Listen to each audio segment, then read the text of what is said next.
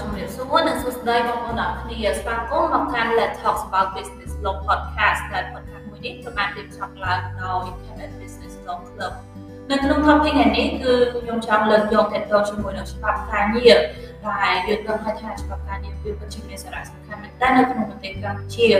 តែមុននឹងចូល topic របស់យើងខ្ញុំសូមអរគុណជាមួយនឹងម្ចាស់ sponsor នេះគឺ T Live យើងនឹងហៅថា T Live គឺជាហាងតែគុជមួយដែលមានឈ្មោះបែបមែនតើនៅក្នុងប្រទេសកម្ពុជាហើយ T Live មានលក់ទាំងតែគុជកាហ្វេហើយជាមួយនឹងអាហារសម្រន់ផ្សេងផ្សេងហើយបងប្អូនអាចស្វែងរកបាននៅខាងសាខាធំរបស់គាត់គឺនៅផ្លូវ310កែងផ្លូវ95ហើយបច្ចុប្បន្ននេះ T Live ក៏គាត់ចាប់តាមបើកនៅសាខាថ្មីដែលមាននៅខាងស្ទឹងមានជ័យ ហើយមុននឹងចូលដល់ topic របស់យើងនេះខ្ញុំសូមណែនាំបងប្អូនជាមួយនឹង guest speaker របស់យើងដែលគាត់ជានិស្សិតឆ្នាំទី3នៃវិទ្យាស្ថាន KMS សួស្តីបងសួស្តីអូនចាបងចាបងជួយណែនាំខ្លួនតិចមកដើម្បីឲ្យទស្សនិកជនស្ដាប់ដឹងចឹងណាបងចាអូនជាដំបូងខ្ញុំសូមជម្រាបសួរអ្នកនរគ្នាហើយក៏សួស្តីអូនទាំងទៀតខ្ញុំឈ្មោះវុធីស្រ័យរតនៈជានិស្សិតឆ្នាំទី3នៃវិទ្យាស្ថាន KMS ហើយជំនាញគណនេយ្យនិងហិរញ្ញវត្ថុរងថ្ងៃខ្ញុំនៅក្នុង Club CBRC ដែលឈ្មោះពេញគឺ Khamed Business Law Club នៅក្នុង Department External Communications ស្ថិតនៅក្នុង Team Research ចាអូខេបងនិយាយចឹងអ្នកនិយាយពីច្បាប់ការងារទៅអត់បងចាអូនចានិយាយទៅខ្ញុំអត់នៅឃើញការងារគឺនៅឃើញប្រាក់ខែមុនទេអូខេបងអញ្ចឹងខ្ញុំចង់សួរតាក់ទងជាមួយតើទៅជាប្រាក់ឈ្នួលនៅក្នុង labor law បង ចាអូតាមច្បាប់ដែលបានចែងនៅក្នុងច្បាប់ការងារប្រាក់ឈ្នួលសំដៅទៅលើឈ្នួលការងារឬឈ្នួលសេវា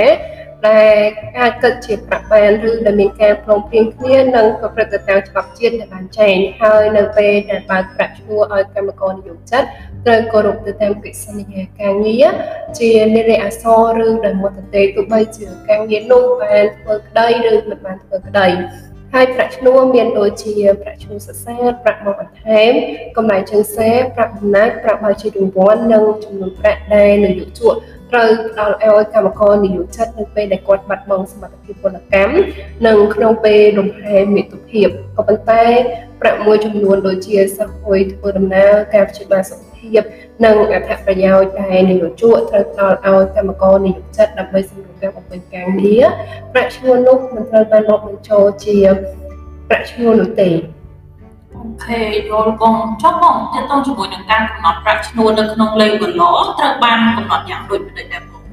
ចាអូនប្រាក់ឈ្នួលត្រូវកាត់យ៉ាងតិចណាឲ្យស្មើនឹងប្រាក់ឈ្នួលអបបរមា ពោលគឺរ៉ាប់រងកម្មករនិយោជិតគ្រប់រូបឲ្យមានកម្ពស់ជីវភាពសមរម្យទៅតាមសេចក្តីថ្លៃថ្នូររបស់មនុស្សចំពោះការងារដែលមានលក្ខខណ្ឌស្មើគ្នាភាពពុះប្រសពខាងវិជ្ជាជីវៈនិងផលដែលធ្វើបានស្មើគ្នាប្រាក់ឈ្នួលត្រូវឲ្យស្មើគ្នាដល់កម្មករនិយោជិតគ្រប់រូបទោះបីជាគាត់មានដើមកំណើតភេទឬអាយុយ៉ាងណាក៏ដោយម្យ៉ាងវិញទៀតចំពោះការងារមើលការឬតាមបរិមាណផលិតផលទោះធ្វើនៅរោងចក្រក្តីឬនៅនៅស្ថានក្តី ប្រាក់ឈ្នួលត្រូវគិតយ៉ាងណាឲ្យកម្មករនិយោជិតដែលមានការប៉ុនប្រសពមធ្យមធ្វើការជាធម្មតាបានទទួលក្នុងថរវេលាដដែលនៅប្រាក់ឈ្នួលយ៉ាងតិចស្មើនឹងប្រាក់ឈ្នួលបរិមាណដែលត្រូវធានាដែលបានកំណត់ឲ្យកម្មករនិយោជិតហើយពិសេសប្រាក់ឈ្នួលបបរមាដែលកំណត់ឡើងដោយច្បាប់ត្រូវបញ្ជាអចិន្ត្រៃយ៍នៅក្នុងកម្មវិធីធ្វើការនៅការិយាល័យបើកប្រាក់និងទីទទួលឲ្យធ្វើការមួយវិញទៀតនៅពេលដែលកម្មករនិយោជិត គាត់ឡើងកាន់តំណែងនយោជកត្រូវតែផ្ដល់ព័ត៌មានឲ្យបានច្បាស់លាស់តកតងជាមួយនឹងប្រាក់ឈ្នួលនិងរយៈពេលនៃការបើកប្រាក់ឈ្នួលគ្រប់ពេលដែលមានការផ្លាស់ប្ដូរលក្ខខណ្ឌម្ដងម្ដងអូខេបងយល់ទៅការបើកប្រាក់ឈ្នួលត្រូវប្រព្រឹត្តទៅយ៉ាងដូចមិនដូចតែបងចាអូនតាមអនុឡោមដែលមានចែងនៅក្នុងច្បាប់ការងារប្រាក់ឈ្នួលត្រូវបើកឲ្យដោយផ្ទាល់ដៃទៅសមិទ្ធខ្លួនកម្មករនិយោជិត លើកលែងតែកម្មករនិយោជិតនោះគាត់ព្រមបើកតាមពិធីផ្សេងៗទៀតប្រាក់ឈ្នួលត្រូវបើជាប្រាក់លោហៈធាតុឬជាក្រដាសប្រាក់ដែលឆាជាផ្លូវច្បាប់ទោះបីមានបទបញ្ញត្តិចែងធ្វើពីនេះក៏ដោយហើយក៏ត្រូវបានហាមឃាត់មិនឲ្យបន្ថយសេរីភាពកម្មករនិយោជិតក្នុងការប្រើប្រាស់ប្រាក់ឈ្នួលរបស់ខ្លួនតាមចិត្តនោះទេ ការបើកប្រាក់ឈ្នួលត្រូវធ្វើនៅកន្លែងធ្វើការឬការិយាល័យនយោជកកាលណាការិយាល័យនោះមានចិត្តផ្ទាល់លើកលែងតែក្នុងករណីប្រធានស័ក្តិការបើកប្រាក់ឈ្នួលជាគ្រឿងស្រវឹងឬថ្នាំសង្កូវឬរបស់ដែលឲ្យទោសមិនត្រូវមានចេតខាតហើយមួយវិញទៀតការប្រើប្រាក់ឈ្នួលនៅកន្លែងលក់គ្រឿងស្រវឹងទីកន្លែងកំសាន្ត មិនត្រូវមាននោះទេមិនមែនតែកម្មករនិយោជិតនោះគាត់ធ្វើការនៅទីនោះដាក់ឈ្មោះឲ្យកម្មករនិយោជិតមុនមួយថ្ងៃមួយវិញទៀតការបើកប្រាក់ឈ្នួលត្រូវបានបែងចែកជាពីរប្រភេទទី1គឺការបើកប្រាក់ឈ្នួលឲ្យកម្មករ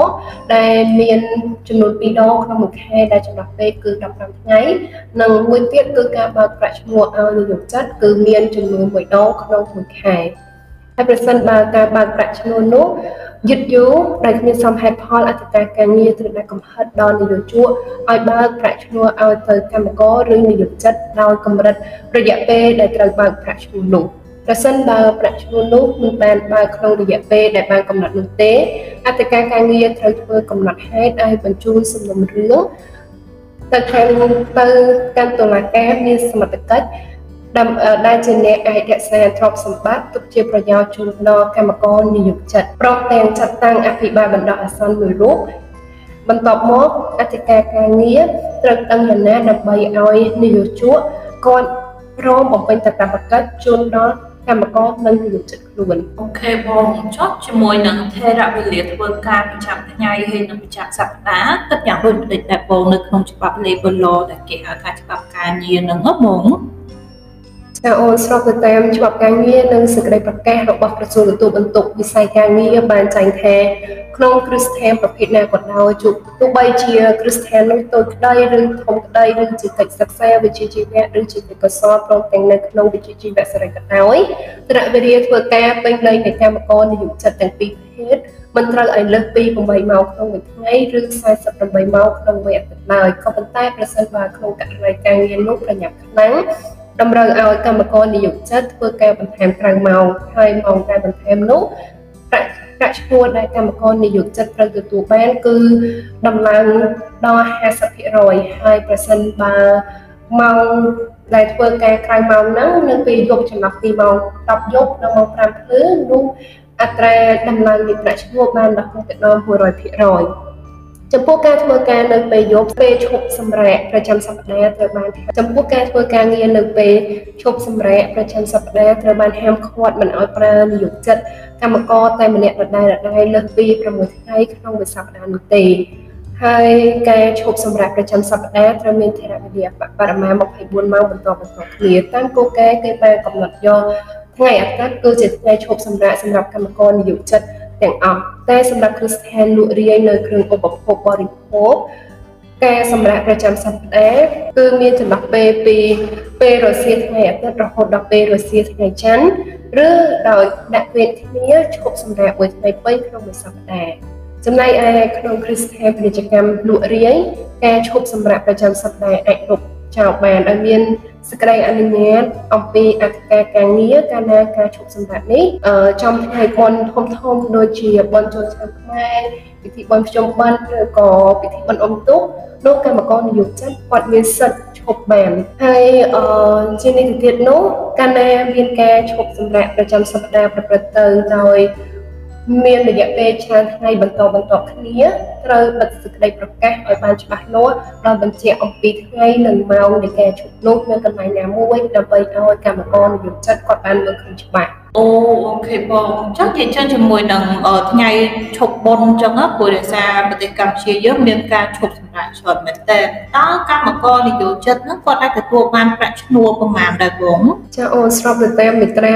161ដែលស្ថិតនៅក្នុងច្បាប់ការងារជារៀងរាល់ឆ្នាំក្រសួងទូតបន្ទុកវិស័យការងារបានចេញប្រកាស កំណត់ថ្ងៃបុណ្យដែលត្រូវឈប់មានប្រាក់ឈ្នួលសម្រាប់កម្មករនិយោជិតនៃសហគ្រាសទាំងអស់ហើយថ្ងៃដែលឈប់សម្រាកមានប្រាក់ឈ្នួលប្រាក់ឈ្នួលទាំងឡាយនោះមិនត្រូវផ្ដាច់ថរៈវេលាធ្វើការប្រចាំថ្ងៃប្រចាំខែប្រចាំសប្តាហ៍នោះទេបែបបទនិងនីតិវិធីនៃការធ្វើការនៅថ្ងៃជប៉ុនដែលមានប្រាក់ឈ្នួលស្ថិតត្រូវស្ថិតនៅក្រោមការត្រួតពិនិត្យរបស់អធិការការងារលើពីនេះទៅទៀតនោះប្រសិនបើ កម្មករនិយោជិតណាដែលធ្វើការតាមម៉ោងប្រចាំថ្ងៃឬតាមបរិមាណផលិតផលដែលត្រូវផលិតនោះគាត់មានសិទ្ធិបានប្រាក់បំណែកស្មើនឹងប្រាក់ឈ្នួលដែលខាតបង់មួយវិញទៀតប្រសិនបើអឺចំពោះគ្រឹះស្ថានសហគ្រាសណាដែលមិនអាចបញ្ឈប់ការងារបានដោយសកម្មភាពរបស់ ខ្លួនហើយសមហេតុផលនោះតម្រូវឲ្យកម្មករនិយោជិតទាំងឡាយដែលជាប់ធ្វើការក្នុងថ្ងៃបុណ្យគាត់មានសិទ្ធិនឹងទទួលបាននៅប្រាក់ឈ្នួលដែលគាត់បានធ្វើនៅថ្ងៃបុណ្យហ្នឹងស្មើនឹងប្រាក់ឈ្នួលធម្មតាសរុបរួមមកប្រាក់ឈ្នួលដែលទទួលបាននៅថ្ងៃឈប់បុណ្យមានសិទ្ធិស្មើ សរុបរួមមកប្រាក់ឈ្នួលដែលទទួលបាននៅថ្ងៃឈប់បុណ្យមានសិទ្ធិទទួលបានស្មើនឹងប្រាក់ឈ្នួលដែលធ្វើនៅម៉ោងធម្មតាអូចាអូខេបងអរគុណច្រើនមែនទែនចំពោះការចែករំលែកនៅបទពិសោធន៍របស់បងហ៎បងព្រោះតែសាងយល់លើច្បាប់ការងារនេះគឺពិតជាមានសារៈសំខាន់មែនទែនចំពោះបុគ្គលដែលគាត់ចង់ចូលបម្រើការងារនៅក្នុងជាស្ថាននានាឬក៏ស្ថាប័ននានា តែមុននឹងចប់កម្មវិធីនេះខ្ញុំសូមអរគុណដល់ម្ចាស់ sponsor យើងភាសាទៀតសូមណែនាំជាមួយនឹង game giveaway ដែលបង្កើតឡើងដោយ Camp Ed Business Law Club របស់យើងដែលបងប្អូននឹងទទួលបាន tote bag មួយសម្រាប់អ្នកឈ្នះ winner ដែលយើងជ្រើសរើសនៅ winner ចំនួន12នាក់ហើយពីអ្នកធំធំគឺទទួលបាននៅ tote bag មួយជាមួយនឹងវត្ថុអនុស្សាវរីយ៍ដែលបងប្អូនអាចយកទៅប្រើនៅប្រចាំថ្ងៃបានហើយនឹងជាមួយនឹង voucher របស់ T-Line ដែលទទួលបាន2 voucher ដែលស្មើនឹង free drink 2កែវហើយសម្រាប់ winner ផ្សេងទៀតគឺគាត់នឹងទទួលបាននៅ voucher សម្រាប់របស់ T-Line 2កែវដូចគ្នា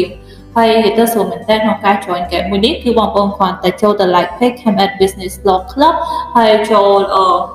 mention 3នាក់នៅក្នុង comment ហ្នឹងទៅហើយ hashtag let's talk about business law អឺនឹងទទួលបាននៅការចាប់រង្វាន់ក្នុងការទទួលបាននៅរង្វាន់ទាំងនេះណាអរគុណចំពោះការទស្សនានិងស្ដាប់នៅ podcast មួយនេះ